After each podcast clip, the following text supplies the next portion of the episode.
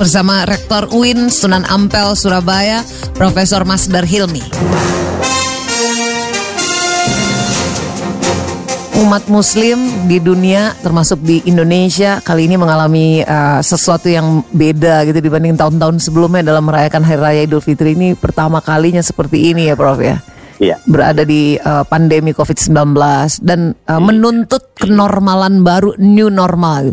Nggak hanya bekerja, ibadah pun ternyata di rumah yang biasa kita ke lapangan yang kita nanti-nanti ternyata tidak gitu. Ah, iya. Nah, jadi kita perlu pemaknaan baru mungkin atau gimana Prof dengan uh, situasi Idul Fitri saat ini? Kalau pemaknaan itu seharusnya sama ya Mbak ya, bahkan semakin lama semakin intens begitu. Bahwa ini memang kemenangan, hari kemenangan kita gitu di Idul Fitri ini. Iya, Hmm. kemenangan itu berada pada kesejatian eh, kejiwaan individu masing-masing. Hmm. Nah, sementara ini kan yang lebih menyeruak ke permukaan itu kan manifestasi kulturalnya. Hmm. Seperti merayakan dengan rame-rame, anjang sana, anjang sini, kan begitu. Jadi orang malah salah kaprah yang selama ini Salah dikirainnya kaprah. itu ya.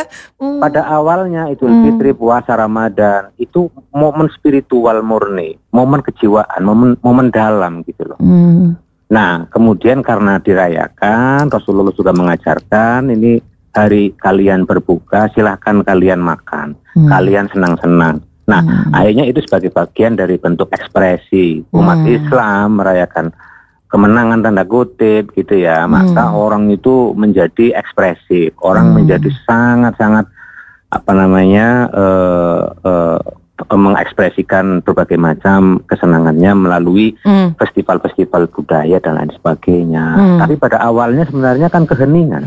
Pada awalnya itu spiritualitas ruhani. Hmm. Mestinya itu menurut saya. Jadi andai kata ada normal baru gitu ya. Itu eh, itu hanya sed- sedikit aja meng- mengguncang gitu ya kata kutip. Sedikit Hmm. Jadi sebetulnya makna di dalam ini dari eh, apa dasarnya itu nggak akan berubah bagaimanapun situasinya ya di dalamnya ya, Prof. ya? Iya, seharusnya memang begitu. Kayaknya ini memang pesan Tuhan Iya. kepada kita umat Islam untuk menguji sejauh mana kita ini punya konsistensi dalam memaknai Idul Fitri yang sungguhnya. Saya jadi merinding, beneran. Karena selama ini justru kita salah kaprah. Idul Fitri itu harus yang rame-rame itu sosialisasi Enggak, ketemu salah, orang tidak ya, salah. Prof ya? Salah tidak, salah tidak. Apalagi ini ya, sekarang ini kan kita dipermudah komunikasi melalui IT, melalui medsos. Itu nggak seharusnya tidak ada apa apa pun yang dilanggar, tidak ada apa pun yang berubah. Karena kita bisa silaturahim melalui medsos, silaturahim melalui eh, media IT dan lain sebagainya. Seharusnya begitu. Hmm. Jadi eh, Prof mungkin bisa disampaikan di sini biar eh, orang-orang pada tahun yang dengerin idola nilai-nilai mulia yang bisa kita petik Iya. umat muslim gitu ya di situasi Ya, semacam ini. seharusnya- Seharusnya begitu. Ah, Itu yang saya nggak habis pikirin orang-orang memaksakan mudik. Oh, sudah dilarang mudik. Jadi bahkan sholat Idul Fitri itu kan sunnah ya.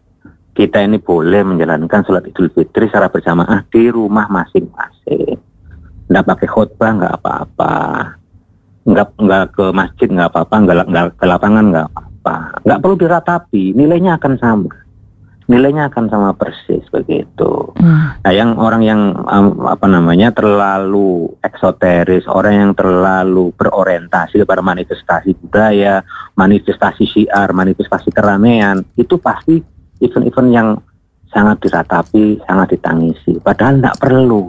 Hmm. Itu nggak akan mengurangi apa pun dari kehusuan kita dalam rangka memaknai Idul Fitri, kembali Hmm. kepada kesucian. Gitu. Iya, iya, Nah, iya. kebanyakan karena masyarakat kita ini udah terlanjur jauh begitu, Hmm. bahkan sekarang ini pasar ini luar biasa ramenya. Ini saya nggak habis pikir ini. Hmm. Pasar rame, kemudian mall-mall juga rame, seperti normal, normal-normal aja, tidak pakai Lupa ya kalau ada pandemi ini. Lupa. Sebetulnya kita eh, kita tahu nih Prof. Masdar tidak semua umat muslim memahami protokol kesehatan dalam menghadapi pandemi corona. Ini misalnya tadi eh, ada juga masih memaksakan diri menggelar jamaah di masjid, berkerumun bahkan mereka dan sebagainya ke pasar tadi. Gimana caranya kita menanamkan kesadaran bahwa prinsip melawan kemudaratan mestinya lebih didahulukan ketimbang berbuat kebaikan gitu Prof. Gini, gini, gini. Yang wajib dalam agama itu adalah menjaga kesehatan, menjaga jiwa kita. Jiwa ini adalah titipan Tuhan yang harus kita pelihara dengan sangat baik begitu. Jadi ada di situ tuh yang disebut sebagai doruriyatul khomes. Jadi ulama dulu merumuskannya itu ke dalam uh, lima nilai-nilai penting dalam agama. Yang pertama menjaga agama, menjaga kesehatan, menjaga jiwa, menjaga harta, menjaga apalagi satu itu ya. Itu itu wajib, itu wajib.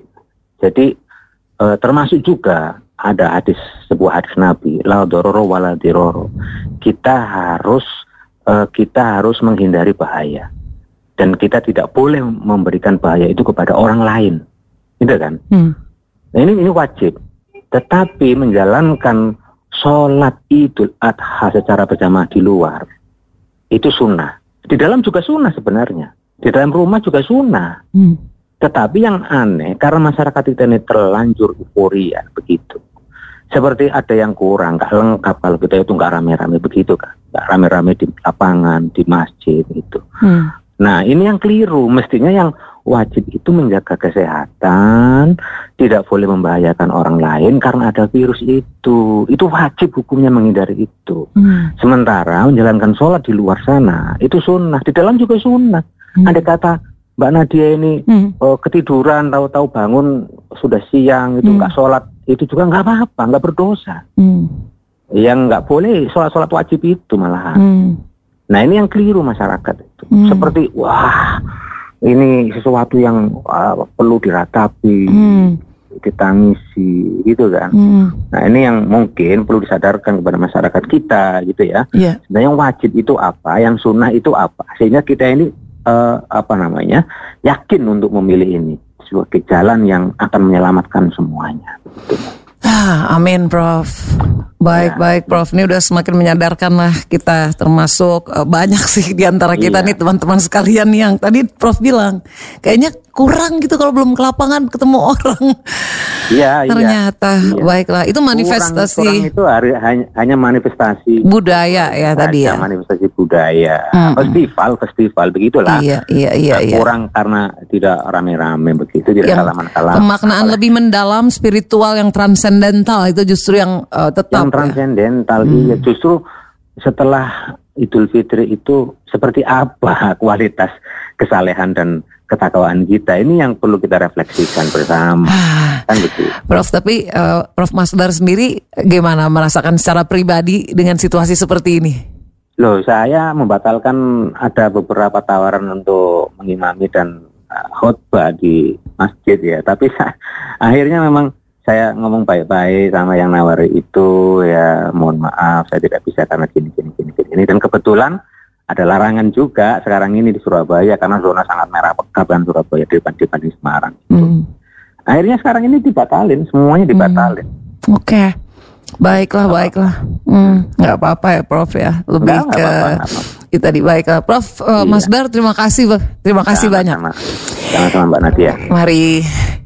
Maaf lahir batin ya, Prof.